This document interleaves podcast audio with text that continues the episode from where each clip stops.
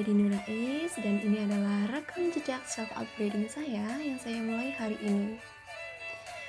Oh ya, jadi belakangan waktu ini saya merasa hidup saya cukup membosankan dan cukup lama juga saya mencari cara yang pas untuk mengupgrade diri.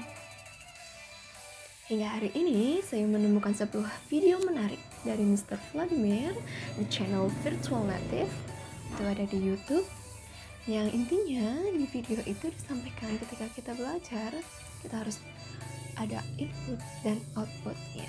Nah untuk input itu ada dua hal yang bisa kita lakukan. Pertama melalui reading. Yang kedua kita bisa melalui listening atau menonton. Juga bisa. Jadi membaca mendengarkan menonton melihat. Ya seperti itu. Dan untuk outputnya jadi setiap kita belajar kita harus menghasilkan output nah outputnya bisa kita tuangkan melalui bentuk tulisan ataupun lisan nah Mr. Vladimir ini Mr. Vladimir ini beliau berkata bahwa kalau kita bisa menuliskannya kita juga bisa untuk mengucapkannya atau melisankannya So, mulai hari ini saya memutuskan untuk mencoba hal itu. Akan sejauh mana? Let's see.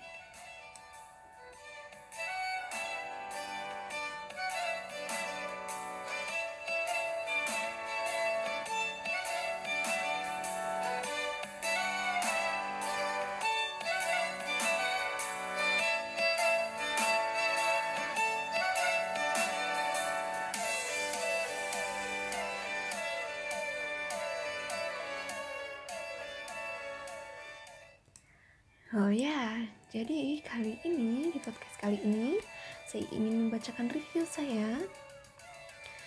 Ini opini saya terhadap video yang saya lihat atau bisa dibilang seperti ringkasan yang saya buat ketika saya melihat video itu. So, let's start. This is my review in English. Thursday, May 2019. Sorry, Tuesday, May 28, 2019. This is my note about learning English. Today I'm starting to myself to learn more disciplinary and commit to start learning English. I have listened three video or watching three videos this morning. First is How to Learn English Faster by Julian Nordberg. And then the second video, is still from Julian Nordberg, this video about how can I learn English fluently in a few months. And the last video that I have watched this morning is how to Practice Speaking Alone at Home by Vladimir in a virtual native channel. The videos, the three videos, is from YouTube. So maybe if you are interested too, interested too, you can search it on YouTube. Okay, this is my review about that videos. The first video How to learn English faster. Julian Nordberg said that we have to cut down and focus on the topic that we learn.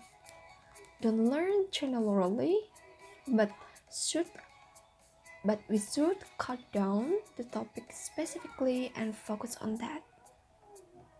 So that my review that I got that I, I've got from the first video. Move to the second video.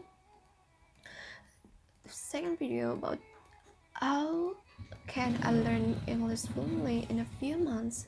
Still from Julian Nordberg. He talked about what definitely fluently is. In this video or on that video, Mr. Nordberg said that when we talk in English, the important is fluently on talking the topic.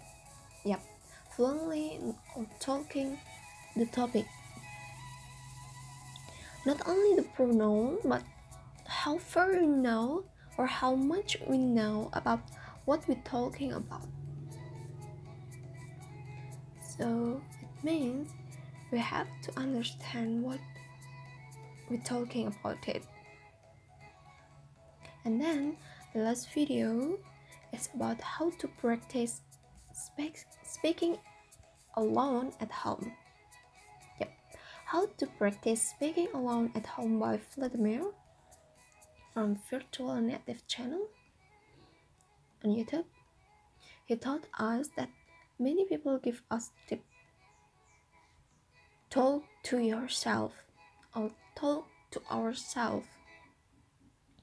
The Vladimir said that when we're learning English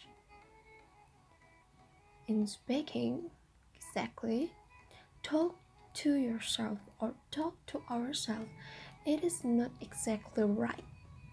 The good way to practice speaking alone at home is not talking to yourself, but writing. He said you can write, you can say it. There are four components in learning language. There are reading, listening, writing, and then speaking. Reading and listening are the input process.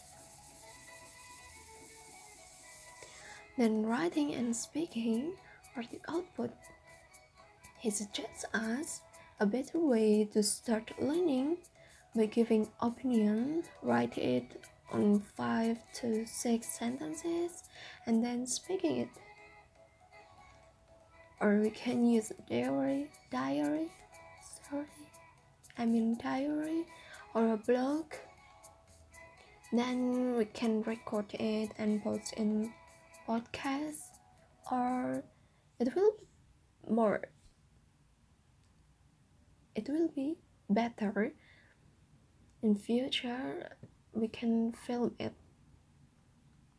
And then make a channel on youtube. So from there we can get other feedback yeah input from the other. So we can learn about our self upgrading so that's all my review from videos. So it is starting today. This is my first and i tried to myself and i built a commitment to upgrade my english skill with this way reading or listening for the input. Then this is my output. Thank you for listening Terima kasih sudah mendengarkan. Sampai jumpa lagi di podcast berikutnya.